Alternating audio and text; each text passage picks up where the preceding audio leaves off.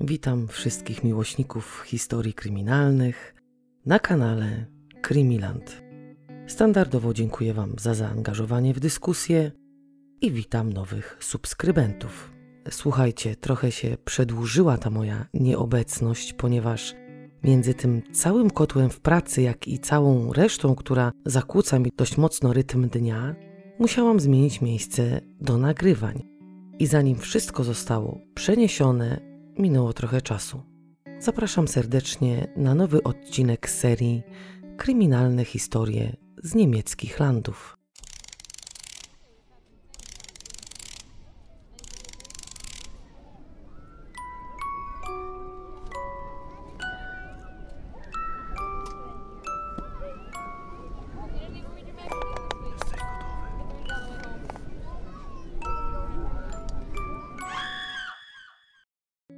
Dziś zabieram Was do Tria, po polsku Trewir, do którego można wjechać autostradą numer 53 od strony północnego wschodu.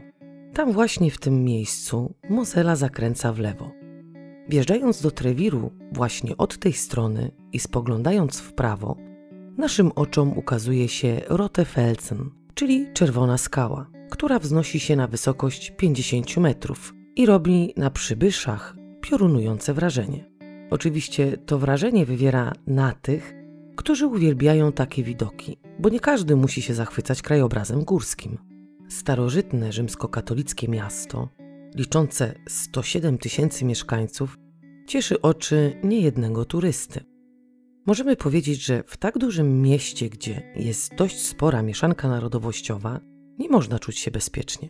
Jednak według ogólnokrajowych statystyk Trewir jest najbezpieczniejszym miastem w Niemczech. Zanim jednak spędzimy więcej czasu w tym pięknym i bogatym, nie tylko w zabytki mieście, przeniesiemy się do Kolingen, malutkiej wioseczki, która leży, rzec można, u bram Trewiru. Korningen liczy niecałe 800 mieszkańców, więc jest rzeczywiście malutką wsią. A w takich malutkich wsiach wszyscy się znają, przynajmniej z widzenia. Myślę, że jeśli chodzi o rodowitych mieszkańców takich małych wioseczek, to ci akurat znają się dobrze, nie tylko z widzenia oczywiście. Tam właśnie wśród tej małej społeczności, pięknym domku jednorodzinnym, usytuowanym na wzgórzu, mieszka trzyosobowa rodzina Gref. Waltraud i Karl Hans od lat tworzą szczęśliwe małżeństwo. Są dla siebie nie tylko mężem i żoną, jak to bywa w niektórych związkach, ale są dla siebie również przyjaciółmi, nie mają przed sobą tajemnic, ani nie próbują tego poczucia szczęścia w jakiś sposób naciągać. Ich życie stało się jeszcze szczęśliwsze 23 grudnia 1985 roku, kiedy to na świecie pojawiła się ich jedynaczka, ich oczko w głowie Tania. Możecie sobie pomyśleć, słysząc określenie oczko w głowie, że dziewczyna była rozpieszczona i rozpuszczona przez zapatrzonych w nią rodziców. Jednak w tym przypadku tak nie jest. Rodzice wychowują swoją córkę mądrze, starają się zapewnić jej jak najlepsze warunki bytowe i rozwojowe, co jest najbardziej naturalne. Każdy rodzic chce dla swojego dziecka jak najlepiej i stara się w miarę możliwości zapewnić mu odpowiednie warunki. Tania uwielbia grać w piłkę z rówieśnikami i często wśród tych podwórkowych rozgrywek, wśród chłopaków, była jedyną dziewczyną i oczywiście była w tym dobra. Jednak nie traktowała tego rodzaju sportu jako jedynego, któremu chciałaby się poświęcić. To była pewna forma rozrywki, a koledzy, prawdę mówiąc, traktowali ją jak kumpla. Więc chyba nie robiło im specjalnej różnicy, że dziewczyna jest w stanie pokonać niejednego z nich na boisku. Tania uprawiała również łucznictwo. Być może nie łączyła z tą dziedziną sportu jakichś planów na przyszłość, ale tej dziedzinie właśnie poświęcała najwięcej czasu. Wraz z dorastaniem i tym, że jej matka pracowała jako księgowa w Caritasie, była również nauczona pomocy potrzebującym, a co za tym idzie, często była opiekunką na obozach młodzieżowych. Oczywiście ta praca była nieodpłatna, bo była tam wolontariuszką. Dziewczynę i rodziców łączyła dość silna więź. Tania uwielbiała być blisko nich, Nigdy w ich towarzystwie się nie nudziła. Lubiła przytulać się do matki czy też ojca i robiła to często nawet oficjalnie, przed znajomymi, nie wstydząc się swych uczuć. Dlaczego o tym mówię? Myślę, że kiedy dziecko dorasta, takie przytulanie się do jednego z rodziców w obecności kumpli może być czymś, co zawstydza, czy też czymś żenującym. Żenującym oczywiście w pojęciu dorastających młodych ludzi. Ale jeśli dziecko zostanie wychowane w normalny sposób, bez jakiegokolwiek poczucia wstydu do okazywania uczuć, tych dobrych uczuć oczywiście, czy też bez wyśmiewania ich, takie zachowania i gesty będą czymś normalnym, a nie czymś, co będzie wywoływało salwy śmiechu wśród znajomych lub też czymś, czego powinniśmy się wstydzić. I w taki właśnie sposób była wychowywana Tania. I tu już nie chodzi o to, że była dziewczynką, bo dziewczynkom takie gesty przychodzą przecież z łatwością. Ona po prostu uważała swoich rodziców za najważniejszych na świecie, w tym oczywiście zdrowym pojęciu. Byli dla niej przyjaciółmi i jej powiernikami, którym zwierzała się ze wszystkiego.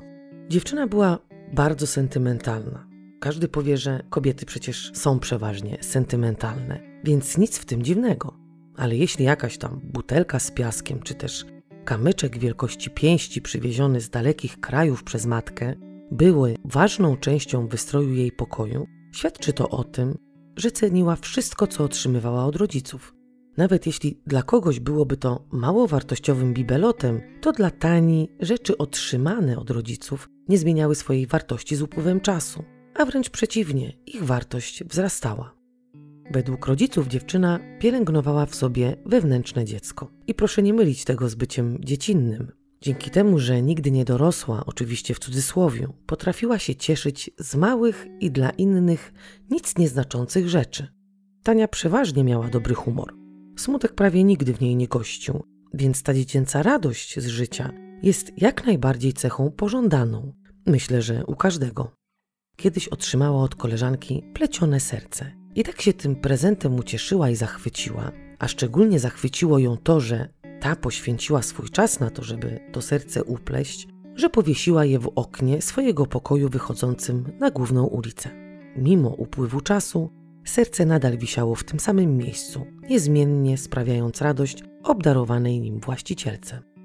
Tania wychowując się pod okiem rodziców i w takiej małej wioseczce, mimo to, że jest ona położona niedaleko wielkiego miasta, była uważana przez większość za kogoś, kto jest nieprzystosowany do życia wśród ludzi różnego pokroju. Chodzi tu oczywiście o to, że była ufna i mogła trafić na jakiegoś złego człowieka, zaufać mu, uwierzyć w jego słowa, a ten wykorzystując jej naiwność, mógłby ją skrzywdzić. Myślę, że rodzice uświadamiali swą córkę, bo przecież sami nie byli kimś, kto żył nieświadomie przez tyle lat na świecie. Córka państwa Gref była ich dumą, oczkiem w głowie i kimś, kto nadawał sens ich życiu.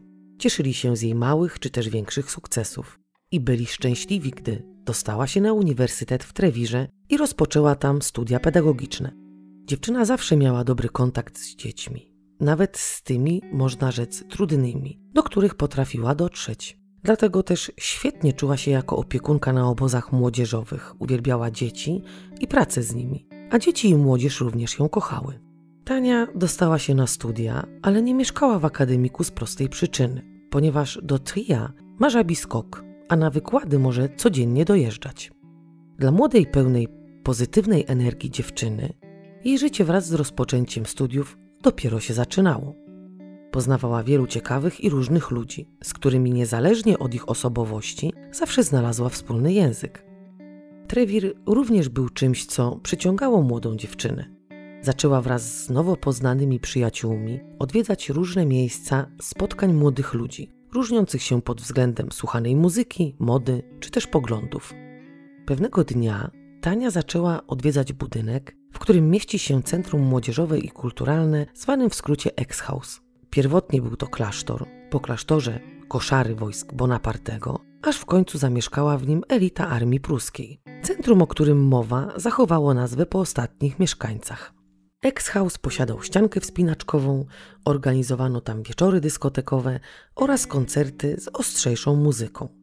Młodych ludzi odwiedzających to centrum angażowano również społecznie jako wolontariuszy. Młodzież pracowała jako streetworkerzy, jako pomocnicy w przedszkolach i jako pomocnicy do współpracy z młodzieżą. Oczywiście to całe centrum nie zamykało się tylko w jednym budynku. Tych budynków było kilka. Do tego sale o różnej wielkości dawały odwiedzającym to miejsce możliwość dość sporego wyboru. Exhaus z czasem stał się znany w całych Niemczech i często był licznie odwiedzany przez młodzież z całego kraju. Chodzi tu oczywiście o te koncerty. Tania również była wśród tych odwiedzających i w maju 2007 roku poznała na jednym z takich koncertów Andreasa, gitarzystę jednego z zespołów death metalowych. Może nie była jakąś tam superfanką tego rodzaju muzyki, ale od czasu do czasu jej słuchała. Poprzez gitarzystę dziewczyna poznała również jego znajomych. Od tej pory Tania stała się stałą bywalczynią ex-house, a Andreas stał się prawdopodobnie jej chłopakiem. Wielkimi krokami zbliżała się studencka letnia impreza organizowana co roku na Uniwersytecie Nauk Stosowanych w Trewirze. Tym razem miało grać siedem zespołów muzycznych, oczywiście każdy z nich grał inny rodzaj muzyki i każdy z tych zespołów miał swoją scenę.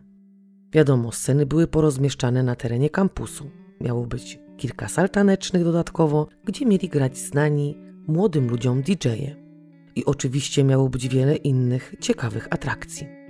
Młodzi ludzie żyli więc z tym, co miało się wydarzyć w czerwcu. Planowali przebieg imprezy, jak i jej rozpoczęcie. A rozpoczęcie miało się odbyć na prywatnym gruncie w mieszkaniu jednego ze znajomych Tani. Młodzi ludzie mieli spotkać się na tak zwany beforing, na którym rozgrzeją się kilkoma drinkami, a później na małym rauszu udadzą się na główną imprezę organizowaną przez uniwersytet. Organizatorzy przewidywali z powodu sprzyjającej pogody aż 10 tysięcy gości, więc to nie miała być jakaś tam imprezka, tylko wielka feta, na której mieli się bawić nie tylko studenci, ale tylko oni dzięki studenckiej legitymacji mieli mieć zniżki na alkohole i jakiś mały posiłek, bo stoiska z jedzeniem również miały być porozstawiane na terenie kampusu. Córka państwa Gref nie ukrywała przed rodzicami tego, że zamierza przed imprezą spotkać się ze znajomymi w celu rozgrzania się alkoholem. Przygotowywała się do tego wydarzenia od jakiegoś czasu i nawet z koszuli ojca, której już nie nosił, uszyła sobie torbę. Ta torba była dość mocno rzucająca się w oczy, ponieważ ta koszula, która została użyta do uszycia tej torby, miała wzór z motywem hawajskim. To też właśnie świadczy o tym, jakie było podejście dziewczyny do rzeczy jej bliskich.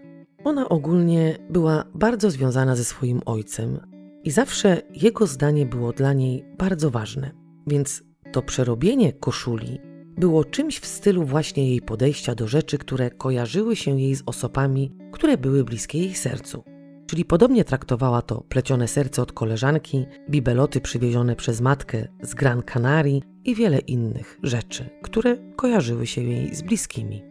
Nadeszła środa 6 czerwca 2007 roku. Był to ten wielki dzień, w którym to właśnie miała się odbyć wielkaletnia studencka impreza. Tania już od samego rana w dobrym humorze przygotowywała się na to wydarzenie. Dziewczyna z reguły, jak już wspomniałam, zawsze miała dobry humor. Jakoś mało kto kojarzył ją skwaszoną czy też smutną. Zawsze była tryskająca, pozytywną energią, jak i uśmiechnięta. Tak też było tego dnia. Jednak teraz dodatkowo dziewczynę przepełniał entuzjazm. Umówiła się z matką, że ta podrzuci ją do dzielnicy, w której znajdowało się mieszkanie znajomego, gdzie miał właśnie odbyć się ten beforing. Niczego przed rodzicami nie ukrywała, także wiedzieli o tym, że ich córka nie będzie pić oranżady. Pewnie wśród Was są tacy, którzy mogą śmiało powiedzieć, że ja to bym nie mówił, czy też nie mówiła rodzicom, że będę pił. Czy też moja matka to by mnie z pewnością nie zawiozła na coś takiego i z pewnością nie byłaby pełna akceptacji. Moja mama również by mnie nie zawiozła, wiedząc, że jadę na zakrapianą imprezę. Takiego czegoś raczej nie mówiło się oficjalnie przed rodzicami. To się ukrywało. Tym bardziej, że moja mama zawsze była i do dziś jest wrogiem alkoholu numer jeden. I lepiej było nie ryzykować zwróceniem do domu pod wpływem alkoholu, bo nie daj Boże, gdyby wyczuła albo gdyby zorientowała się, że jej córka jest na rauszu, czy też pijana, to różnie mogłoby się to skończyć, oczywiście dla mnie. Tego właśnie powodu jakoś nie mogę się zgodzić z tym, że bohaterka tej historii była wychowywana pod tak zwanym kloszem, jak to określają dziennikarze opisujący tą historię. Przecież jeśli rodzice Tani byliby nadopiekuńczy, to myślę, że nie tyle co nie pozwoliliby jej, bo przecież ich córka w tym momencie miała już 21 lat, ale z pewnością sama Tania nie byłaby tak szczera i otwarta.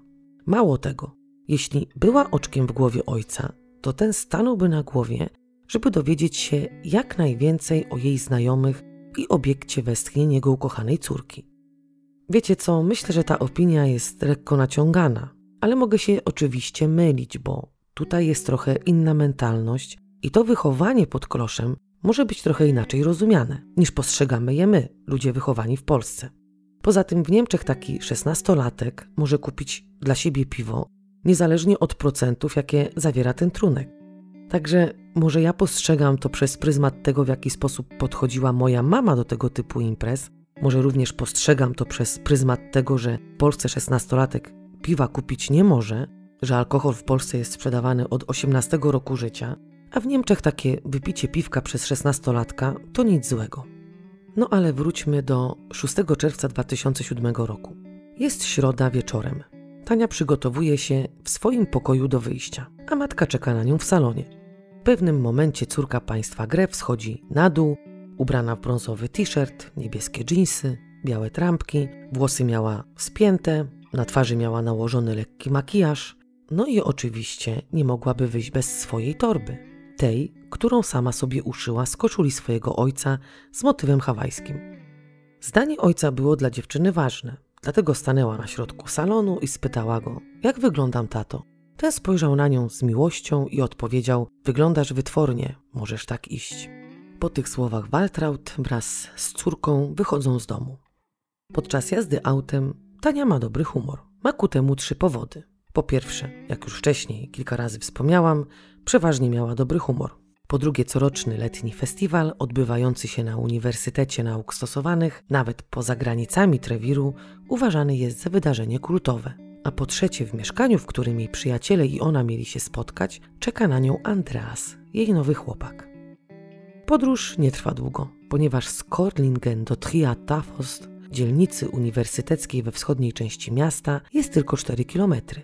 To właśnie tam cała klika była umówiona. Później po tym biforingu mieli się udać na zachodni kraniec miasta, znajdujący się po drugiej stronie Mozeli, czyli w miejsce, w którym miała się odbyć główna impreza.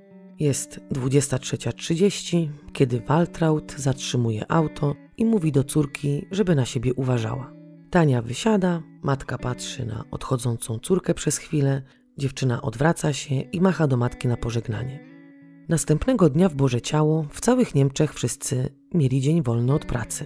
Waltraud wstała trochę później tego dnia i zorientowała się, że Tania jeszcze nie wróciła.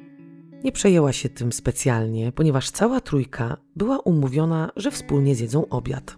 Kiedy jednak dziewczyna nie wróciła na obiad, Waltraud i Karl zaniepokoili się, ponieważ Tania nie miała przed nimi żadnych tajemnic. I jeśli okazałoby się, że postanowiłaby zabawić dłużej u przyjaciół, to zadzwoniłaby i powiadomiła o tym rodziców. Matka i ojciec starali się dodzwonić do córki, ale niestety ta była nieosiągalna. Prawdę mówiąc, mogła mieć rozładowany telefon. Ale wówczas, według matki, najprawdopodobniej zadzwoniłaby z telefonu któregoś ze znajomych. Rodzice dziewczyny próbowali ustalić, gdzie ta mogłaby przebywać. Za każdym połączeniem telefonicznym, które wykonywali do jej znajomych, których oczywiście oni również znali, i kiedy słyszeli po drugiej stronie słuchawki powiedzi przeczącą, czyli taką, że dana osoba nie miała pojęcia, gdzie mogłaby przebywać Tania, niepokoili się coraz bardziej, ale nie panikowali. Waltraud, jak sama wspomina ten moment, uznała wówczas, że przecież jej córka jest dorosła, a ona sama, pomimo ogromnego już niepokoju, nie chciała histeryzować. Przecież zdarza się tak, że młodzi ludzie potrafią tak się zatracić w zabawie, że nie pomyślą nawet o poinformowaniu rodziców. Mimo to, że rodzice uważali, iż ich córka nie ma żadnych tajemnic, mogła jednak coś tam pozostawić dla siebie i nie mówić im o tym.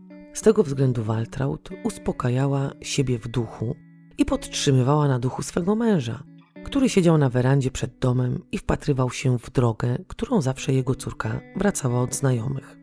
Było tak, że kiedy Tania szła do kolegów czy do koleżanek mieszkających w tej samej wsi, on zawsze wówczas siedział i na nią czekał, wypatrywał jej z daleka. Tym razem również w milczeniu czekał na powrót córki. Nadszedł piątek, a Tania nie wróciła. I nadal nie była osiągalna pod swoim numerem telefonu. Kiedy Waltraud otrzymała od koleżanki dziewczyny numer telefonu do Andreasa i odbyła z nim krótką rozmowę, oczywiście na temat miejsca pobytu jej córki i tego, czy młody człowiek nie orientuje się przypadkiem, gdzie jest Tania, ten zdziwiony tymi pytaniami oznajmił, jak to gdzie jest Tania. Przecież jest w Korlingen w domu. Po tej rozmowie matka wraz z ojcem postanowili udać się na policję. To jest koszmar dla wszystkich rodziców, kiedy ich dziecko wychodzi z domu i nie wraca. Wiadomo, w wielu przypadkach takie kilkudniowe imprezowanie kończy się happy endem. Ale tutaj nikt ze znajomych dziewczyny nie miał pojęcia, gdzie ona jest i dokąd mogłaby pójść. Policja jednak nie zlekceważyła zgłoszenia i postanowili najpierw przepytać znajomych Tani, czy czegoś nie wiedzą. Wiadomo, nie zawsze wszystko mówi się rodzicom kolegów, bo przecież z kolegami trzyma się sztamy. Ale funkcjonariusze już przez samo bycie przedstawicielami prawa, jeśli podejdą do zgłoszenia z sercem oczywiście, to mogą dowiedzieć się dużo więcej. Po przeprowadzeniu wstępnego dochodzenia, czyli po przepytaniu tych znajomych, udało się policji odtworzyć pewne elementy przebiegu wydarzeń z 6 czerwca. Tania spotkała się ze znajomymi w domu jednego z nich na Biforing. Około godziny 23.30 wszyscy młodzi biesiadnicy wyszli z domu, udali się na pobliski przystanek i wsiedli do autobusu wahadłowego jadącego z miasta do Schneidershof. W studenckiej letniej imprezie, tak jak przewidywano wcześniej, wzięło udział ponad 10 tysięcy ludzi, którzy również przybyli spoza granic miasta. Grupka znajomych, wśród których była również Tania, przez jakiś czas trzymała się razem, ale później z upływem tego czasu zaczęli gubić się z oczu wśród tłumu. Kiedy część tego towarzystwa Tani, z którym miała spędzić czas na imprezie, zdecydowało około czwartej pojechać do, do miasta, czyli wrócić do domu, postanowili zadzwonić do dziewczyny, żeby poinformować ją, że zrywają się z imprezy. Ta podczas tej rozmowy powiedziała im, że również uda się autobusem wahadłowym do Porta Nigra. Porta Nigra to zabytkowa brama miejska, zachowana jeszcze z czasów rzymskich i można powiedzieć jest takim punktem spotkań młodych ludzi. Znajomi tam na nią czekali, ale ona się nie pojawiła. I już tego dnia, czyli był to 7 czerwca, nikt z nich nie widział Tani. Jeden ze znajomych z tej samej grupy, z którą studentka spędzała czas przed główną imprezą, zeznał, że widział ją krótko po czwartej rano w towarzystwie jakiegoś nieznanego mężczyzny. Wiadomo, człowiek, z którym zaginiona była widziana, niekoniecznie musiał mieć związek z jej zaginięciem. Ale w takich okolicznościach każdy, kto ją wówczas widział, czy też przebywał w jej towarzystwie, mógł coś niecoś wiedzieć na temat tego, gdzie mogła się po godzinie czwartej nad ranem udać.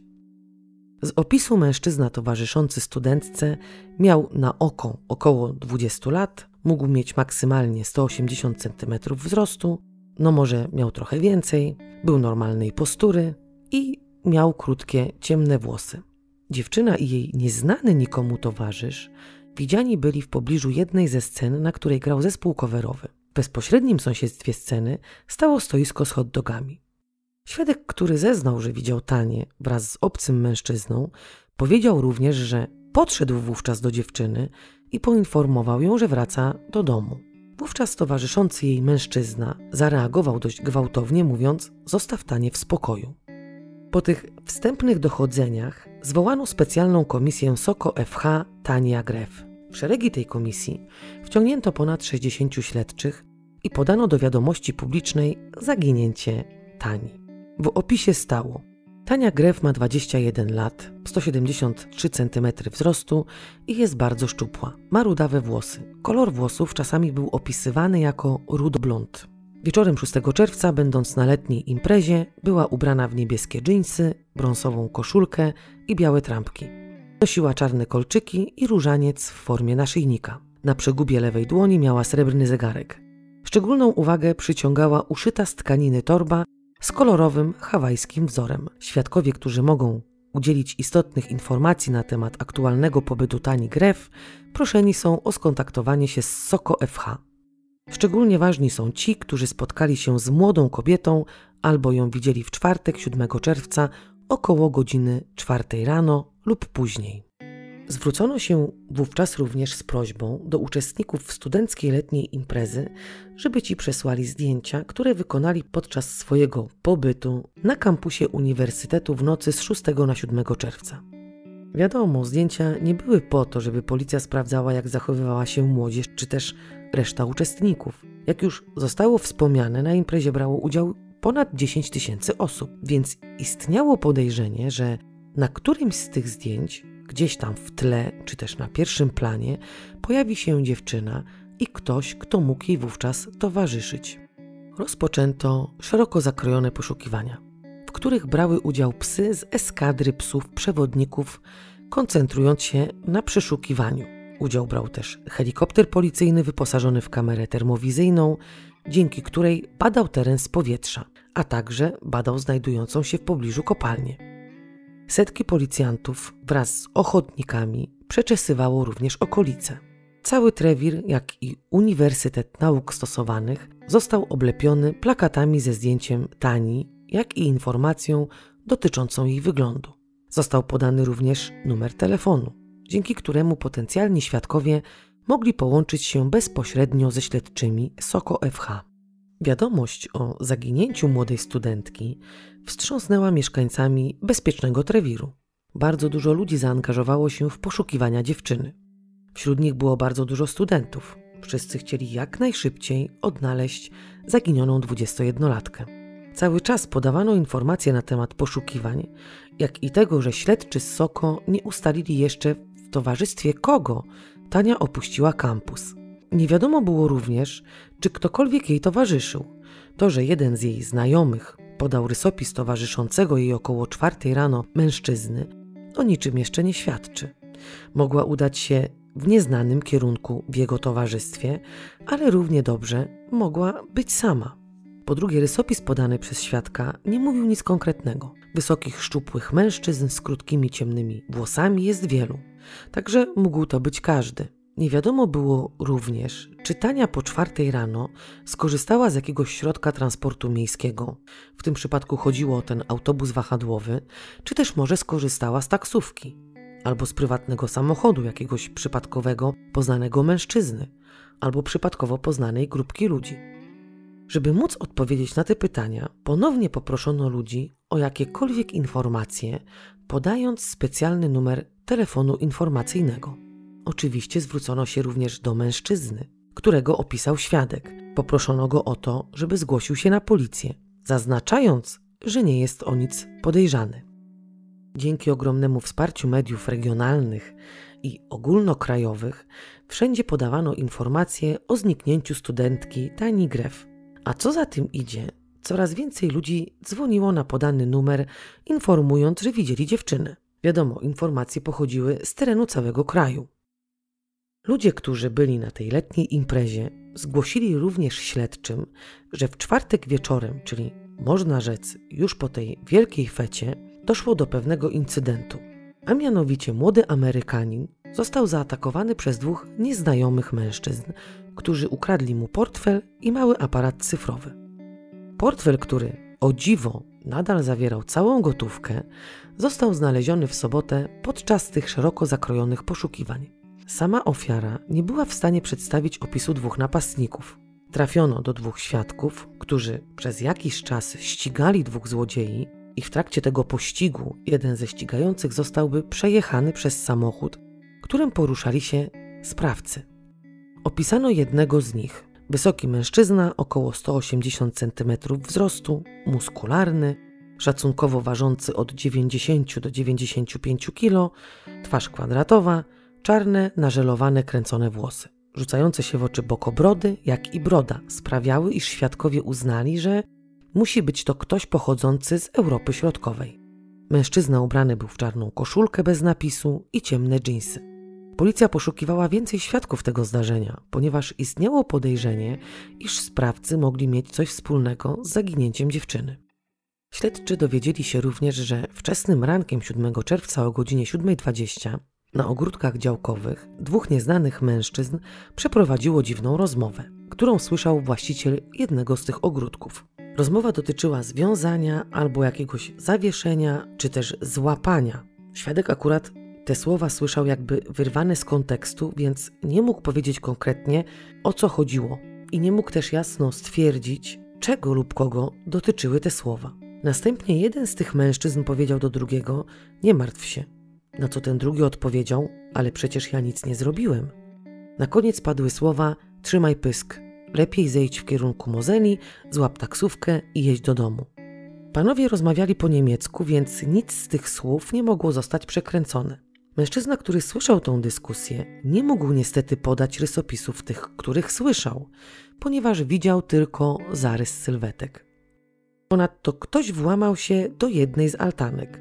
Prawdopodobnie inne altanki też nosiły znamiona włamań, ale tego akurat nie można było potwierdzić. Na terenie właściciela jednego z ogródków działkowych i tego samego pana, który słyszał rozmowę dwóch mężczyzn, ci właśnie mężczyźni weszli tylko po to, oczywiście na teren tego ogródka, żeby zostawić dwie puste butelki po piwie Desperados. Butelki zostały zabrane przez śledczych, ponieważ mogły być nośnikami jakichś dowodów. Rozmowa zainteresowała śledczych do tego stopnia, że postanowili również wspomnieć o mężczyznach w informacjach podawanych publicznie i dotyczących zaginięcia Tani Grew. Szukali świadków, jak i samych bohaterów tego zdarzenia. Wiadomo, uważali, że mogło to mieć coś wspólnego z zaginięciem studentki. Poszukiwania były cały czas kontynuowane. Cały czas proszono uczestników tej wielkiej fety o udostępnienie policji zdjęć. Nie chodzi o to, że nikt nie przekazał fotografii, jednak było tego chyba zbyt mało i tym razem śledczy nie prosili już o zdjęcia, a wręcz się ich domagali i mówili o natychmiastowym udostępnieniu zdjęć policji. Przy wsparciu Inspektoratu Policji Wodnej w Trewirze przeszukano brzegi rzeki Mozeli znajdujące się poniżej terenów uniwersytetu. Przeszukiwano również chaty leśne, parkingi i ponownie teren wokół uniwersytetu. Niestety nie znaleziono żadnych śladów, które mogłyby naprowadzić śledczych na jakiś konkretny trop. 13 czerwca podano do wiadomości publicznej, że na policję, a uściślając do śledczych Soko, zgłosił się młody człowiek, który przyznał, że był jednym z rozmawiających mężczyzn na terenach działkowych. Młody mężczyzna przyznał się, że ukradł sześciopak Desperados z terenu kampusu, na którym odbywała się impreza. Napoje alkoholowe były zaraz po kradzieży spożywane właśnie na terenach ogródków działkowych i oczywiście z tego powodu pozostawiono również tam puste butelki. Policja wszczęła śledztwo w sprawie kradzieży i włamania do jednej z altan, ale również publicznie oceniła zachowanie młodego człowieka jako bardzo pozytywne i pożądane, ponieważ incydent został wyjaśniony, co nie komplikowało oczywiście śledztwa. Detektywi mieli również nadzieję, że to zachęci innych, którzy cokolwiek wiedzą na temat pobytu dziewczyny.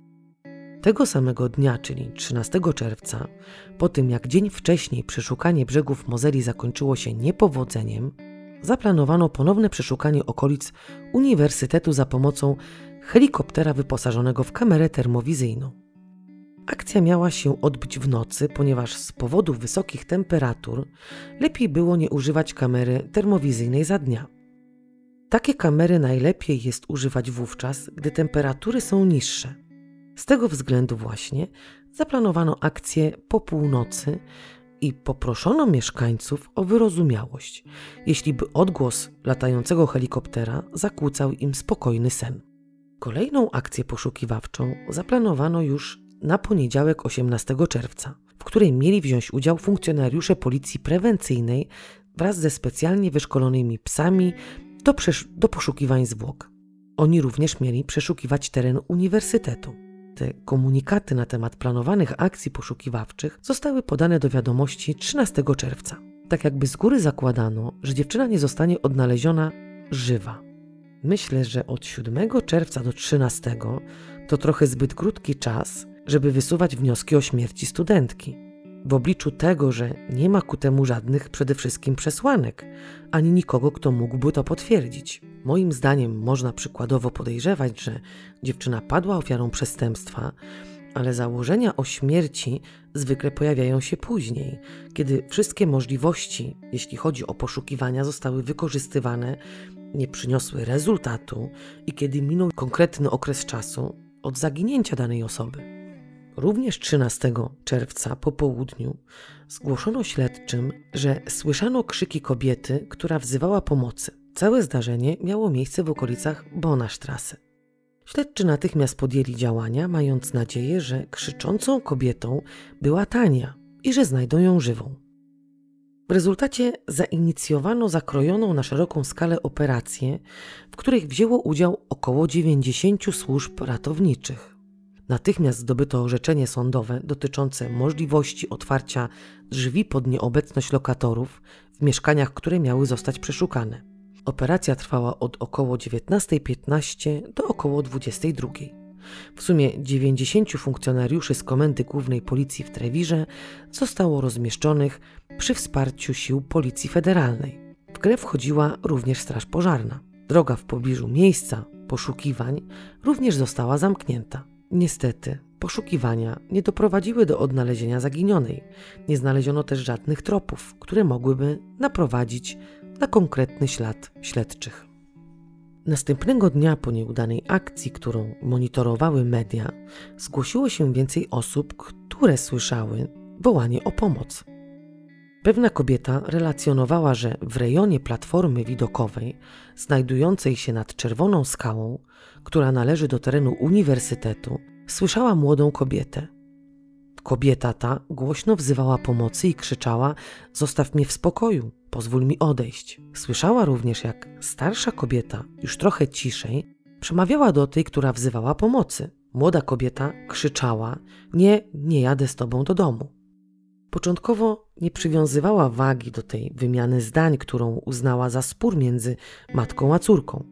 Ale kiedy dowiedziała się o operacji przeszukiwań mieszkań i domów znajdujących się w pobliżu Czerwonej Skały, uznała, że powinna zgłosić to na policję. Inny świadek natomiast również doniósł, że słyszał głośne krzyki dochodzące z platformy widokowej. Jednak nikogo tam nie widziano. Soko poprzez media zwróciło się do potencjalnych świadków, którzy mogliby być w pobliżu platformy widokowej w momencie, kiedy słychać było krzyki młodej kobiety, żeby zgłosili się na policję. Akcja poszukiwawcza, w której wziął udział helikopter policyjny wyposażony w kamerę termowizyjną, obejmowała dość duży obszar terenu uniwersyteckiego, łącznie z okolicą Czerwonej Skały i niestety nie odniesiono oczekiwanego rezultatu. Z dnia na dzień na policję napływały nowe informacje dotyczące zaginionej studentki. Pojawiło się dwóch nowych świadków, którzy twierdzili, że widzieli tuż po piątej rano, kiedy było już dość jasno, rudowłosą młodą kobietę, na którą mówiono Tania. Kiedy dowiedzieli się o zaginięciu studentki, uznali, że dziewczyna, którą widzieli, mogła być poszukiwaną 21-latką. Śledczy zapytali świadków, w jaki sposób zachowywała się dziew dziewczyna, którą widzieli, Ci według obserwacji uznali, że dziewczyna była dość mocno zestresowana. Wyglądało na to, że pokłóciła się z chłopakiem. Była w towarzystwie młodego człowieka, którego tak jakby chciała unikać, ale ten był zawsze krok za nią, czyli tak jakby ją śledził. Jednak świadkowie nie mogą stwierdzić na 100%, że dziewczyna, którą widzieli, jest zaginioną tanią grew, ale kolor włosów, jak i wzrost i biżuteria pasowały do opisu. Kiedy opisali mężczyznę, który podążał za obserwowaną przez świadków młodą dziewczyną, okazało się, że zgadza się on z opisem towarzyszącego tani mężczyzny opisanego przez jej kolegę. Chodzi tu oczywiście o tą sytuację, kiedy znajomy Tani zauważył ją pod jedną ze scen około czwartej rano w towarzystwie nieznanego mu mężczyzny. Byli też tacy, którzy twierdzili, że widzieli Tanię w towarzystwie czarnoskórego, i jak to określono jasnoskórego mężczyznę.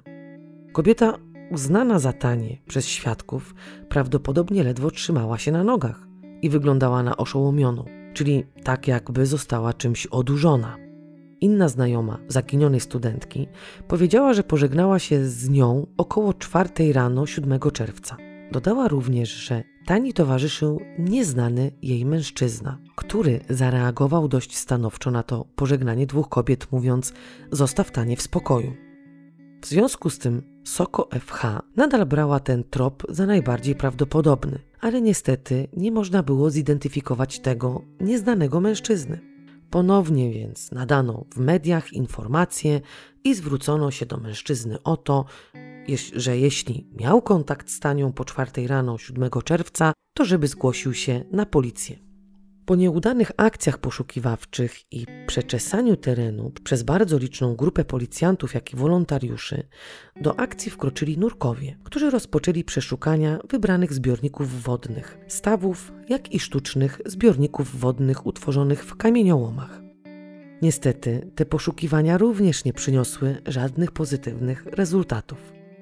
Kilka dni później, po nagłośnieniu informacji, żeby dwóch mężczyzn, którzy byli widziani w towarzystwie dość mocno, jakby upojonej alkoholem dziewczyny podobnej do Tani, zgłosili się na policję w celu złożenia zeznań, na posterunku policji pojawiły się trzy osoby. Tych dwóch mężczyzn oczywiście, czyli ciemnoskóry i ten jasnoskóry, jak i dziewczyna, która sylwetką i kolorem włosów była podobna do zaginionej. Także ten trop to była również ślepa uliczka. 22 czerwca poszukiwania nadal trwały. Nurkowie niczego nie znaleźli, więc postanowiono przeszukać część Mozeli za pomocą dwóch urządzeń sonarowych. Te urządzenia miały kształt torpedy, miały długość jednego metra i wyposażone były w moduł GPS. Te urządzenia, za pomocą których przeszukiwano rzekę, to najnowocześniejszy system pomagający zlokalizować okręty podwodne. Pomimo użycia takiego sprzętu, nie uzyskano pozytywnych rezultatów. Ale do śledczych zgłosił się mężczyzna, który nie był gościem na imprezie studenckiej. Był pomocnikiem w organizacji, demontażu, jak i montażu scen, czy też podobnych pracach. Powiedział detektywom, że kiedy demontował ogrodzenie między 5.20 a 5.30 w czwartek 7 czerwca, nagle usłyszał głos kobiety krzyczącej: Nie dotykaj mnie, chcę iść do domu. Odwrócił się i zobaczył bardzo szczupłą młodą kobietę o rudych włosach, która miała na ramieniu jaskrawą torbę. Młodej kobiecie towarzyszył mężczyzna, którego świadek nie jest w stanie opisać, a w krzakach siedziało kilka osób. Te krzaki były usytuowane tak jakby zaraz przy dwójce kłócących się ludzi. Świadek pamięta to bardzo wyraźnie, ponieważ na siedzących w krzakach o mało nie spadła część ogrodzenia. Dodaje również, że dwóch mężczyzn z tej grupki siedzącej w krzakach podeszło wówczas do młodej dziewczyny. Niestety nie wiadomo było, co jej powiedzieli i jak się to dalej potoczyło. W związku z tym śledczy ponownie zwrócili się do młodych ludzi, czyli tych, co siedzieli w krzakach i tej dwójki, co się kłóciła. Oczywiście zwrócili się za pomocą mediów o to, żeby zgłosili się na policję w celu wyjaśnienia tropu po czterech tygodniach intensywnych poszukiwań, nawoływania z potencjalnych świadków do tego, aby informowali policję o wszystkich swoich spostrzeżeniach, jak i ciągłym apelowaniu do towarzyszącego tani mężczyzny, policja nadal nie wiedziała nic konkretnego. Niby poprzez media chwilowo rzucili światło na najbliższe otoczenie dziewczyny, ponieważ uznano, iż Tania nie opuściłaby kampusu z obcym jej mężczyzną czy też z obcą grupą ludzi. Przeprowadzono przesłuchania świadków w szerokim kręgu przyjaciół i znajomych, a także wśród kolegów studentki Tani Gref. 7 lipca postanowiono przeszukać za pomocą Straży Pożarnej i ochotników obszar między Korlingen a Trewirem. Uznano, że może dziewczynie stało się coś złego, kiedy była w drodze do domu. 14 lipca pewien żeglarz chcący wypłynąć swą rekreacyjną łodzią z portu, podniósł kotwicę. I w trakcie tego podnoszenia tej kotwicy zauważył przyczepiony do niej jutowy worek przywiązany sznurkiem. Worek był bardzo ciężki. Chcąc go wyciągnąć, złapał za sznurek, sznurek wyśliznął mu się z ręki i worek ponownie zatonął. Żeglarz natychmiast zgłosił sprawę na policję. Ciągle w mieście wisiały plakaty zaginionej Tani. Co jakiś czas media przypominały o jej zaginięciu, jak i nawoływały do zgłoszenia się potencjalnych świadków na policję. Po tej informacji 15 lipca ponownie przeszukano za pomocą nurków teren Mozeli. Pomimo usilnych starań nie odnaleziono worka jutowego, ale uznano, że, że mogło to być coś w rodzaju mocowania boi. Policja w lipcu ujawniła również informacje, których do tej pory ze względu na prowadzone śledztwo nie podawano do wiadomości publicznej. Chodziło o kierowcę niebieskiego Peugeota, a zarazem mężczyznę, który, jak zeznał pomocnik demontujący ogrodzenie, kłócił się z młodą kobietą 7 czerwca między 5.20 a 5.30. Świadek w rozmowie ze śledczymi powiedział właśnie, że ów mężczyzna odjechał niebieskim Peugeotem, którego rejestracje były żółte i prawdopodobnie pochodziły z Luksemburga. Śledczy nie ujawnili tej informacji od razu, ponieważ w pierwszej kolejności sprawdzili wszystkich studentów posiadających takie auta. Studenci współpracowali z detektywami i bez problemu udostępniali auta do przeszukań czy też jakichkolwiek działań prowadzonych przez policję. Niestety żadne z tych aut nie było tym, którym podróżował mężczyzna kłócący się z młodą kobietą. Dlatego po kilku tygodniach udostępniono informacje na temat auta z prośbą o zgłoszenie się właściciela tego pojazdu, jak i zgłoszenie się świadków, którzy mogli takie auto 7 czerwca widzieć. Minęło 7 tygodni i pomimo wszelkich starań śledczych, jak i użycia do poszukiwań najlepszych sprzętów, czy też zaangażowaniu bardzo dużej ilości osób, nie udało się trafić na trop zaginionej dziewczyny. Wszystko wyglądało tak, jakby zapadła się pod ziemię. Tak naprawdę chwytano się wszystkich możliwych zgłoszeń, ale nic konkretnego w sumie nie ustalono. Nie skupiono się przykładowo na jednym z podejrzeń i dokładnym sprawdzeniu tych tropów i trzymaniu się ich. Jednak śledczy nadal uważali po tych wszystkich przesłuchaniach, jak i po wnikliwej analizie tego, jak prowadziła życie dziewczyna, uznano, że ze względu na jej niezwykłą osobowość, jak i ze względu na jej stabilne warunki bytowe, a zwłaszcza bardzo dobre relacje z rodzicami, Tania nie mogła opuścić kampusu z kimś zupełnie obcym dobrowolnie. Prokuratura przyjęła fakt, że Tania Grew padła ofiarą przestępstwa. Mogła być gdzieś przetrzymywana albo pozbawiona życia. W związku z tym prokuratura wyznaczyła nagrodę w wysokości 15 tysięcy euro. Dlatego, kto udzieli informacji na temat tego, co też mogło stać się z zaginioną. Dodatkowo ludzie, w większości przyjaciele ojca Tani, zebrali 15 tysięcy euro i dołożyli do nagrody wyznaczonej przez prokuraturę, czyli w sumie było to już 30 tysięcy euro. Cie zaznaczono, że nagroda należeć się będzie osobie nie mającej związku z pracą w służbie cywilnej, której obowiązki zawodowe obejmują ściganie przestępstw. Chyba, że demaskator pozostanie anonimowy i skontaktuje się tylko przez zaufany telefon. Tak jakby podejrzewali jakiegoś policjanta albo śledczego o to, że wie, co dzieje się z dziewczyną. 5 września, czyli prawie trzy miesiące od zaginięcia dziewczyny, Soko zorganizowało spotkanie ze wszystkimi znajomymi, którzy twierdzili, że widzieli koleżankę po raz ostatni koło czwartej rano w towarzystwie obcego mężczyzny, jak i z tymi, którzy udali się z nią na letnią imprezę studencką. Spotkanie miało na celu rekonstrukcję drogi przebytej przez zaginioną. Czy czegoś nowego się dowiedziano? Niestety nie. Niewiadome było nawet to, czy dziewczyna podczas tych ostatnich spotkań ze znajomymi stała z jakąś grupką ludzi, czy też była sama. Na temat towarzyszącego jej nieznajomego mężczyzny nie było już żadnych wzmianek. 27 września w programie Sygnatura Akt XY Sprawa Nierozwiązana wyemitowano odcinek poświęcony sprawie zaginięcia dziewczyny.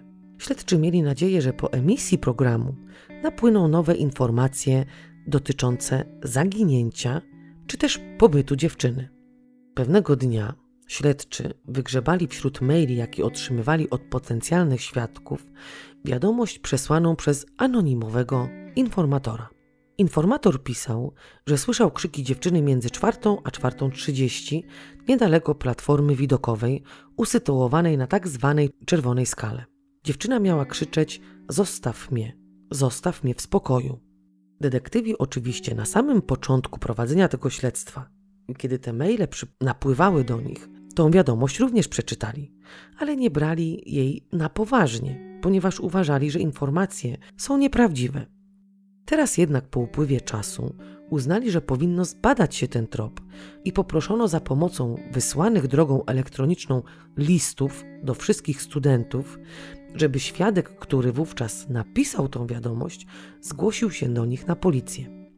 27 listopada niemiecka policja we współpracy z organami sądowymi wysłała do luksemburskiej policji wniosek o pomoc w poszukiwaniu zaginionej. W związku z tym zorganizowano poszukiwania na terenie Luksemburga.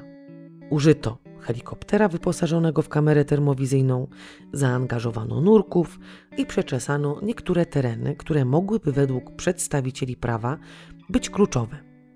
W trakcie przeszukiwań jednego ze zbiorników wodnych trafiono na zatopione auto, w którym znajdowały się zwłoki. Jednak po przeszukaniu tego auta znaleziono dokumenty i okazało się, że nie było to ciało 21-letniej studentki. Był to mężczyzna poszukiwany od 1984 roku, Luksemburczyk. W styczniu 2010 roku pojawił się nowy trop. Prokurator w Trewirze chciał sprawdzić, czy istnieje możliwy związek z Ronaldem Jensenem z Belgii. Wysłano wniosek do belgijskich władz o pomoc prawną w celu uzyskania niezbędnych informacji dotyczących belgijskiego przestępcy. Jensen przyznał się do pozbawienia życia przynajmniej trzech osób. Byli to ludzie młodzi, studenci. W związku z tym niemieccy śledczy postanowili sprawdzić ten trop. Jednak już na samym wstępie tych dochodzeń ci belgijscy śledczy zaprzeczali, żeby zatrzymany miał cokolwiek wspólnego z zaginięciem Tani Gref. Mimo tych wszystkich starań, niestety nie udało się odnaleźć najmniejszego śladu dotyczącego zaginionej Tani. Mijały lata. Śledczy nadal pracowali nad sprawą, jednak już mniej intensywnie, co jakiś czas przypominając o zaginięciu młodej studentki. Można powiedzieć, że przeszukano cały teren należący do uniwersytetu, łącznie z okolicznymi budynkami. Znajomi Tani uczestniczyli w tych poszukiwaniach założyli specjalną stronę dotyczącą zaginięcia, drukowali plakaty i rozwieszali je gdzie się da, brali udział w przeczesywaniu terenu, jak i pomagali policji odpowiadając na pytania, które ta im zadawała. Mimo kilkukrotnego użycia helikoptera wyposażonego w kamerę termowizyjną, nie udało się odnaleźć ciała dziewczyny. Podejrzewano przecież, że nie żyje. 18 marca 2011 roku postanowiono ponownie przeszukać teren uniwersytetu. Wiadomo, drzewa i krzewy nie były jeszcze pokryte liśćmi, więc przy użyciu specjalnego drona można było liczyć na odnalezienie dziewczyny, czy też znalezienie jakiegokolwiek śladu. Między innymi mieli przeszukać dość dokładnie czerwoną skałę, o której już tyle razy zostało tu wspomniane. Ogólnie chcieli przeszukać niedostępne fragmenty stoku tej właśnie czerwonej skały a dron ze specjalnym wyposażeniem w kamerę, przeznaczone właśnie do takich przeszukiwań terenu, dawał nadzieję na znalezienie czegokolwiek, co dotyczyło tani gref. Do tego w przeczesywaniu tego odcinka terenu, czyli okolic Czerwonej Skały, jak i samej tej pionowej 50-metrowej ściany, miało wziąć udział 40 specjalnych zastępów Straży Pożarnej. Po kilku godzinach zakończono poszukiwania. Nie muszę mówić, że nie odniesiono w tym przypadku żadnego sukcesu. 30 marca 2011 roku ponownie wyemitowano odcinek sygnatura Akt XY Sprawa nierozwiązana pod tytułem Gdzie jest moje dziecko? 10 października 2011 roku specjalna komisja SOKO, składająca się już tylko z trzech śledczych, zamknęła sprawę dotyczącą zaginięcia studentki. Nie wiem, czy wiecie, ale w Niemczech zamknięcie sprawy nie znaczy jej zakończenia. Akta są po prostu odkładane na półkę i co jakiś czas przydzielają jakiegoś śledczego do zajęcia się którąś z niewyjaśnionych spraw. Taki śledczy przegląda akta na nowo, po kilka razy, analizując wszystkie ślady, jakie zostały zebrane. Zdarza się tak, że taki śledczy ze świeżym spojrzeniem zauważa coś, co zostało pominięte przez śledczych z komisji SOKO. Jakiś szczegół, jakieś zeznanie, które czasem nawet doprowadza do rozwiązania sprawy. Sprawa Tani została zamknięta, czyli odłożona na półkę. Poza tym policja otrzymywała co jakiś czas jakieś nowe informacje od świadków na temat studentki, więc te ślady również trzeba było sprawdzić. Sprawa jednak nie miała już tak wysokiego priorytetu jak wcześniej. Mijały lata, a Tania nie wracała do domu. Jej pokój nie został zmieniony przez ten czas. Wszystko zostało tak, jak pozostawiła to dziewczyna 6 czerwca 2007 roku. Rodzice mają podzielone zdanie co do tego, czy dziewczyna żyje. Matka jednak w to powątpiewa i uważa, że jeśli jej córka padła ofiarą przestępstwa i jeśli napastników byłoby więcej, nie miałaby szans się bronić. I dla niej najprawdopodobniejsze jest właśnie to, że jej córka już nie żyje. Ojciec jednak jest pewny, że Tania żyje. Nadal, kiedy tylko może, przesiaduje na werandzie i wpatruje się w drogę, którą jego córka zawsze wracała od znajomych. Małżeństwo nie kłóci się, jeśli chodzi o te odmienne odczucia doty dotyczące dziewczyny. Ojciec codziennie wieczorem wchodzi do pokoju córki, siada na jej tapczanie i się modli. Później mówi półgłosem: Proszę cię, wróć do domu, córeczko. Następnie wychodzi, mówi dobranoc i znika w sypialni. Życie rodziców dziewczyny nie jest już takie, jakie było. Dom stał się pusty, zimny i obcy. Mieszkańcy Korlingen w trakcie rozmów z państwem Gref unikają tematu tani. Oni też w sumie przeżyli zaginięcie dziewczyny, którą bardzo dobrze znali. Matka w 2014 roku zarzuciła policji w Trewirze zaniedbania. Stwierdziła, że nie ufa już przedstawicielom władz w tym mieście.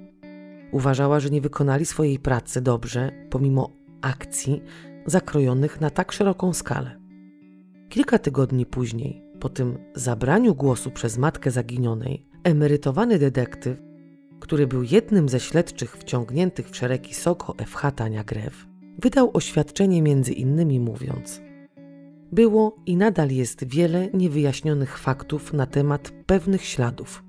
Mężczyzna w 2011 roku wniósł o roszczenie śledztwa i mówił o zaniedbaniach w organach śledczych i prokuraturze. Dopiero po jego interwencji, tak naprawdę, zostały przeprowadzone dalsze dochodzenia dotyczące faktów, o których wspomniał. Pisał w tym wniosku o wewnętrznych napięciach, pisał również o tym, że od czterech lat garstka osób należących do komisji SOKO blokuje i opóźnia ważne śledztwo w sprawie zaginięcia dziewczyny. Na zarzuty emerytowanego detektywa praktycznie nie zareagowano. To znaczy nie zareagowano oficjalnie. Jedynie rzecznik policji zachowanie detektywa uznał jako aroganckie i absurdalne.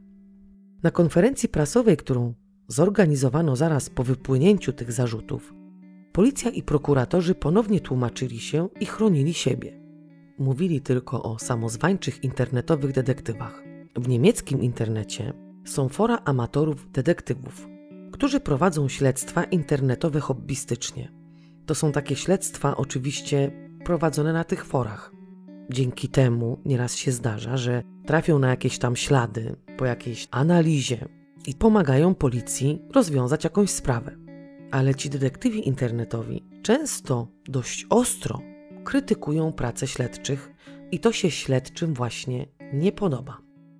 11 maja 2015 roku, czyli 8 lat po zaginięciu studentki, podczas prac porządkowych na niedostępnym terenie, czyli u stóp tej 50-metrowej czerwonej skały w Trewirze, znaleziono prawie kompletny szkielet ludzki, biżuterię, legitymację studencką, białe tenisówki i telefon komórkowy.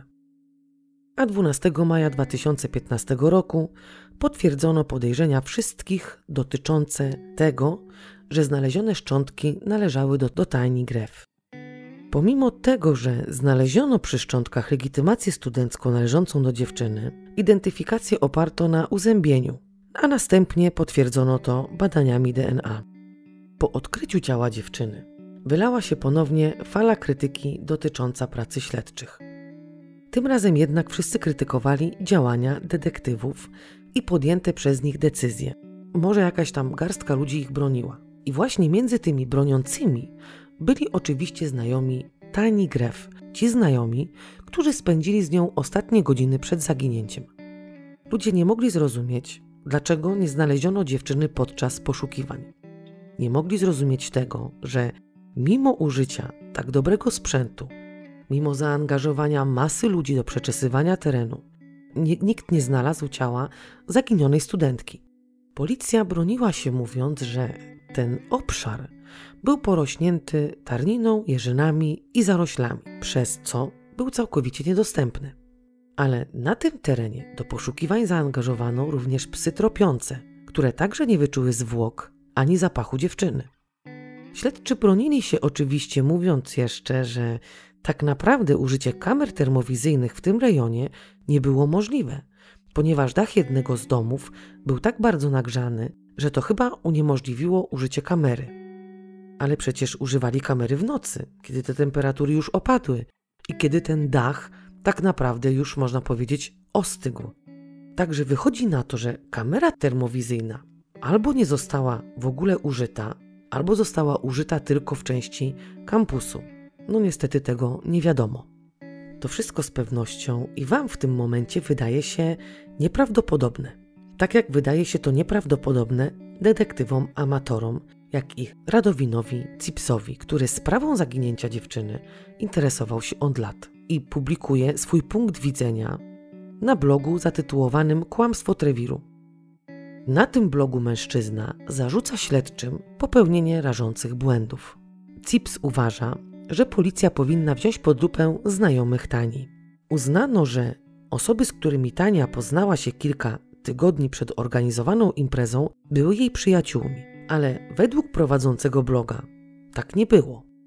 Według każdego, kto rozumie pojęcie przyjaźni, nazywanie znajomych poznanych kilka tygodni przed zniknięciem dziewczyny jest dość mocno naciągane. Radowin uważa, że ci właśnie nazywani przyjaciółmi byli tak jakby przez policję traktowani dość łagodnie. Zadawano im zbyt mało pytań, a oni sami byli zaskakująco dobrze poinformowani o każdym aktualnym stanie śledztwa. Mężczyzna ogólnie wątpi, że dziewczyna w ogóle była obecna na tej letniej imprezie studenckiej. Według niego nie dotarła tam i po tym jak weszła do mieszkania znajomych, gdzie miał się odbyć beforing, już z niego nie wyszła żywa. Dlaczego tak sądzi? Ponieważ oprócz jej znajomych, z którymi miała spędzić wieczór, nikt tak naprawdę nie widział dziewczyny na letnim festiwalu. Można powiedzieć, że wśród tylu ludzi i wśród tylu rudowłosych, szczupłych kobiet mogła się tam z tym tłumem jakoś zlać. Ale na tej wielkiej fecie była masa ludzi i ktoś z pewnością musiałby ją widzieć, gdyby tam była. Podróżujący autobusem wahadłowym, którym grupka młodych ludzi miała dojechać na kampus, też jej nie widzieli. A wszyscy od lat żyli zaginięciem dziewczyny, także gdyby pojawił się jakiś potencjalny świadek, który mógł ją widzieć w autobusie, z pewnością zgłosiłby się na policję. Kiedy ludzie zadawali pytania znajomym na stronie, która już nie istnieje, ci reagowali nerwowo i byli jakby trochę przestraszeni. Zgłaszali tam konta ludzi, ze strony których padały takie pytania. W rezultacie dwa konta zostały zupełnie skasowane. Mężczyzna uważa również, że śledczy od razu praktycznie założyli, iż studentka padła ofiarą przestępstwa, a sprawcami lub też sprawcą może być ktoś z jej bliskiego otoczenia. Jednak jej znajomych, którzy, których nazywali przyjaciółmi, policja nie uważała za kogoś bliskiego z otoczenia dziewczyny. Poza tym, według blogera, policja zbyt szybko wystawiła nagrodę w wysokości 15 tysięcy euro. Nie oszukujmy się, ale to trochę dziwne w przypadku zaginięć. Według przepisów prawnych, organami odpowiedzialnymi za przyznawanie nagród jest prokuratura generalna i Państwowa Komenda Kryminalna. Prokuratura może wystawić nagrodę w wysokości do 2,5 tysiąca euro. Jeśli chodzi o nagrody powyżej 5 tysięcy euro, to one mogą być wystawiane tylko i wyłącznie za zgodą Ministerstwa Sprawiedliwości. Jeśli wystawili 15 tysięcy w tak krótkim czasie, to kim zatem musiała być tania grew, skoro zainteresowała władzę do tego stopnia, że aż samo ministerstwo wystawiło nagrodę dla tego, kto poda miejsce pobytu dziewczyny bądź powie, co się z nią stało. Przecież prokurator musi przedstawić dowody na to, że zostało popełnione przestępstwo, żeby móc otrzymać zgodę na wystawienie tak wysokiej nagrody. Prawdą jest to, że Tania Grew utrzymywała kontakt z wyższą władzą sądowniczą w Trewirze. Dzięki temu została również wybrana na kierowniczkę obozu młodzieżowego Hiszpania 2007. Ale czy to byłoby przyczyną wystawienia tak wysokiej nagrody? Cips podejrzewa, że dziewczyna z jakichś nieznanych nikomu powodów odgrywała dość znaczącą rolę dla wymiaru sprawiedliwości, bo przeważnie zaginięcia młodych dorosłych ludzi są lekceważone przez policję.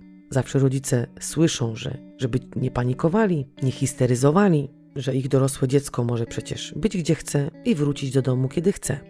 Oczywiście zdarza się tak, że policja nie, nie lekceważy zaginięcia, ale czy przeprowadza aż takie akcje poszukiwawcze? Angażując do tego tłumy ludzi, zastępy straży pożarnych, drogi i najlepszy sprzęt? A w tym przypadku wszystko odbyło się tak, jakby poszukiwali prezydenta. Radowin zarzuca policji trzymanie sztamy z tak zwanymi przyjaciółmi dziewczyny, bo kiedy sześć dni po jej zaginięciu, podczas akcji poszukiwawczej, nagle, a niespodziewanie pojawiło się dwóch tych właśnie tak zwanych przyjaciół, którzy rozmawiali z policjantami, a policjanci przecież wcześniej założyli, że najbliższe otoczenie student może mieć z jej zaginięciem wiele wspólnego. Ci znajomi Tani byli dość dobrze poinformowani o przebiegu śledztwa, o czym sami wspomnieli w jednym z programów telewizyjnych. Mówili o tym głośno jakoś tego specjalnie nie ukrywali. Czyli wychodzi na to, że rodzice nie posiadali tylu informacji, co właśnie ci pseudoprzyjaciele. Co do telefonu Tani, to nie można jednoznacznie stwierdzić, oczywiście według blogera, że to właśnie dziewczyna miała go przy sobie. Zawsze jej telefon komórkowy mógł mieć przecież ktoś inny, kto przebywał na terenie kampusu. I tym samym miało to dać dowód, że studentka odwiedziła letnią imprezę. Tania prawdopodobnie według zeznań jej znajomych, z którymi przebywała na terenie uniwersytetu, zaraz po ostatniej rozmowie telefonicznej wyłączyła komórkę. Dlaczego miałaby to robić, skoro tak usilnie szukała znajomych? Według Radowina rodzice również popełnili ogromny błąd, ponieważ pozwolili używać laptopa Tani jej tak zwanym przyjaciołom. Oczywiście było to za sprawą tego, że ci bardzo angażowali się w poszukiwania i rodzice, patrząc na ich działania, z pewnością im ufali. Dlatego pozwolili korzystać z tani laptopa, jak i wejść do jej pokoju. Nasuwa się jedna myśl, że mogli z laptopa pousuwać ważne informacje, na przykład jakieś dowody na to, że dziewczynie mogło coś grozić. Mogli oczywiście szperać w jej pokoju, szukając czegokolwiek, co mogłoby na nich wskazywać. Bloger uważa, że usuwanie dowodów, czy też śladów, które mogłyby doprowadzić do tej kliki, jest właśnie bardzo prawdopodobne. Radowin twierdzi również, że 18 marca 2011 roku Tania powinna zostać już wtedy znaleziona. Jeśli dron, który prześwietlał skały, nie był w stanie prześwietlić liści, którymi częściowo przykryte było ciało dziewczyny, to ratownicy powinni znaleźć jej ciało. Oni właśnie przeszukiwali czerwoną skałę wzdłuż i wszerz. Mężczyzna zarzuca policji z Trewiru, że wszystko, co robili, robili tylko i wyłącznie jako pokazówka dla mediów. Chcieli pokazać, jak bardzo są zaangażowani w poszukiwania, których nie przeprowadzali tak, jak powinni. A co jest w tym wszystkim najważniejsze, to między 20.30 a, 20, a 23.30, czyli to jest ten czas, kiedy odbywał się beforing, jest przykryty jakąś dziwną tajemnicą. Przecież w takich przypadkach, kiedy policja chętnie udziela informacji na temat prowadzonego śledztwa, tak jak właśnie w przypadku tego śledztwa, nagle nie podała informacji, co też działo się w domu jednego ze znajomych dziewczyny. Tak jakby tego nie sprawdzono. Powstaje pytanie, dlaczego? Po tym jak znaleziono szczątki Tani Grew, śledczy ponownie wszczęli śledztwo mające na celu wyjaśnić, w jakich okolicznościach doszło do tego, że dziewczyna znalazła się w miejscu niedostępnym u stóp czerwonej skały. Przeprowadzono sekcję szczątków i ustalono, że główne urazy kręgosłupa dziewczyna odniosła przed śmiercią. Lewy nadgarstek zaginionej uległ prawdopodobnie również kontuzji, jak i oba stawy kolanowe. Na czaszce nie stwierdzono żadnych śladów, które mogłyby wskazywać na to, że jej czaszka została uszkodzona przed śmiercią poprzez upadek ze skały czy też działanie osób trzecich. Według patologów Tania Grew, znajdując się na czerwonej skale, mogła stracić równowagę i spaść 50 metrów w dół, najpierw na nogi albo na pośladki. Próbowała jakoś zatrzymać to spadanie ręką i stąd według patologów kontuzja nadgarstka. Dziewczyna prawdopodobnie najpierw spadła na drzewo i tam się zatrzymała. Korona drzewa swoimi gałęziami tworzyła taką jakby czarę, a ona spadła w jej środek i utknęła na drzewie. Po upływie czasu jej ciało spadło na ziemię i tam już pozostało. Dwa pęknięte kręgi szyjne uszkodziły jedną lub obie tętnice, a co za tym idzie, o dopływie krwi do mózgu nie było już mowy. Według tych raportów Tania prawdopodobnie zmarła w dniu zaginięcia. Śledczy, żeby wykluczyć albo potwierdzić to, co napisali w raportach patolodzy, przeprowadzili taką jakby symulację wydarzenia, które mogłoby mieć miejsce. Stworzono kukły, czy też lalki, które były wzrostu zaginionej i ważyły tyle samo, ile dziewczyna. Następnie zrzucano te kukły z tego miejsca, z którego prawdopodobnie ona spadła. Po tej symulacji detektywi przyjęli wersję przedstawioną im przez patologów jako najbardziej prawdopodobną, bo po pierwsze, jeśli ktokolwiek miałby ją zrzucić już martwą z tej skały, to mógłby ryzykować tym, że spadnie wraz z jej ciałem. Ale równie dobrze ktoś mógł ją popchnąć. Tego jednak nie wzięto pod uwagę, ponieważ szczątki nadal miały na sobie kompletne ubranie, a wszystkie guziki, jak i zamki błyskawiczne, były zapięte. No ale przecież niekoniecznie ktoś, kto ją zepchnął, musiał chcieć ją wcześniej skrzywdzić czy też molestować. Mogło dojść do sprzeczki i jakiejś szarpaniny, a następnie pod wpływem emocji nastąpiło zepchnięcie. Po znalezieniu szczątków dziewczyny zwołano nową komisję SOKO F. Hanoi, w której szeregi wciągnięto 20 śledczych. Sam były szef poprzedniej komisji nie chciał się angażować zbytnio w tą sprawę ale prawdopodobnie nie uważał upadku dziewczyny ze skały jako wypadek. Obok ciała dziewczyny znaleziono kilka małych buteleczek po likierach. Uznano zatem, że Tania musiała być wówczas pod wpływem alkoholu, co doprowadziło do tego właśnie zachwiania się, stracenia równowagi i upadku ze skały. Ale przecież buteleczki niekoniecznie musiały należeć do dziewczyny. Wzdłuż skały biegnie deptak, którym spacerują ludzie i ktoś mógł sobie łyknąć co nieco podczas spaceru i wyrzucić butelkę w krzaki. Także równie dobrze te butelki po tych likierach mogły już tam leżeć. Dwa dni później, 22 czerwca 2017 roku, prokurator poinformował, iż śledztwo w sprawie Tani Grew zostało umorzone z powodu braku dowodów popełnienia przestępstwa. Waltraud została zupełnie sama. Kilka lat po znalezieniu ciała jej córki zmarł mąż kobiety, prawdopodobnie z żalu, po stracie ukochanej jedynaczki.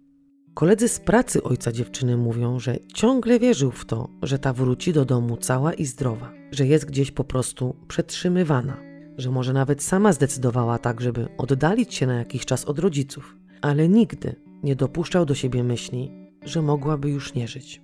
Kiedy znaleziono szczątki Tani, życie straciło dla niego jakikolwiek sens. Nie mógł się z tym zupełnie pogodzić. Waltraud nadal mieszka we wsi, u bram miasta i wciąż pamięta wieczór 6 czerwca 2007 roku, kiedy to zawiozła swoją radosną córkę na spotkanie ze znajomymi. Wtedy nie pomyślała nawet przez chwilę, że kiedy Tania odchodząc odwróciła się i pomachała jej, było to ostatnie pożegnanie. Dziś Waltraud chce o tym zapomnieć, ale w jej przypadku czas nie leczy ran. On je ciągle i ciągle rozdrapuje. No i na tym Kończę tą historię, czując w pewnym sensie niedosyt. Szczerze mówiąc, to mam mieszane uczucia co do uznania jej upadku za wypadek.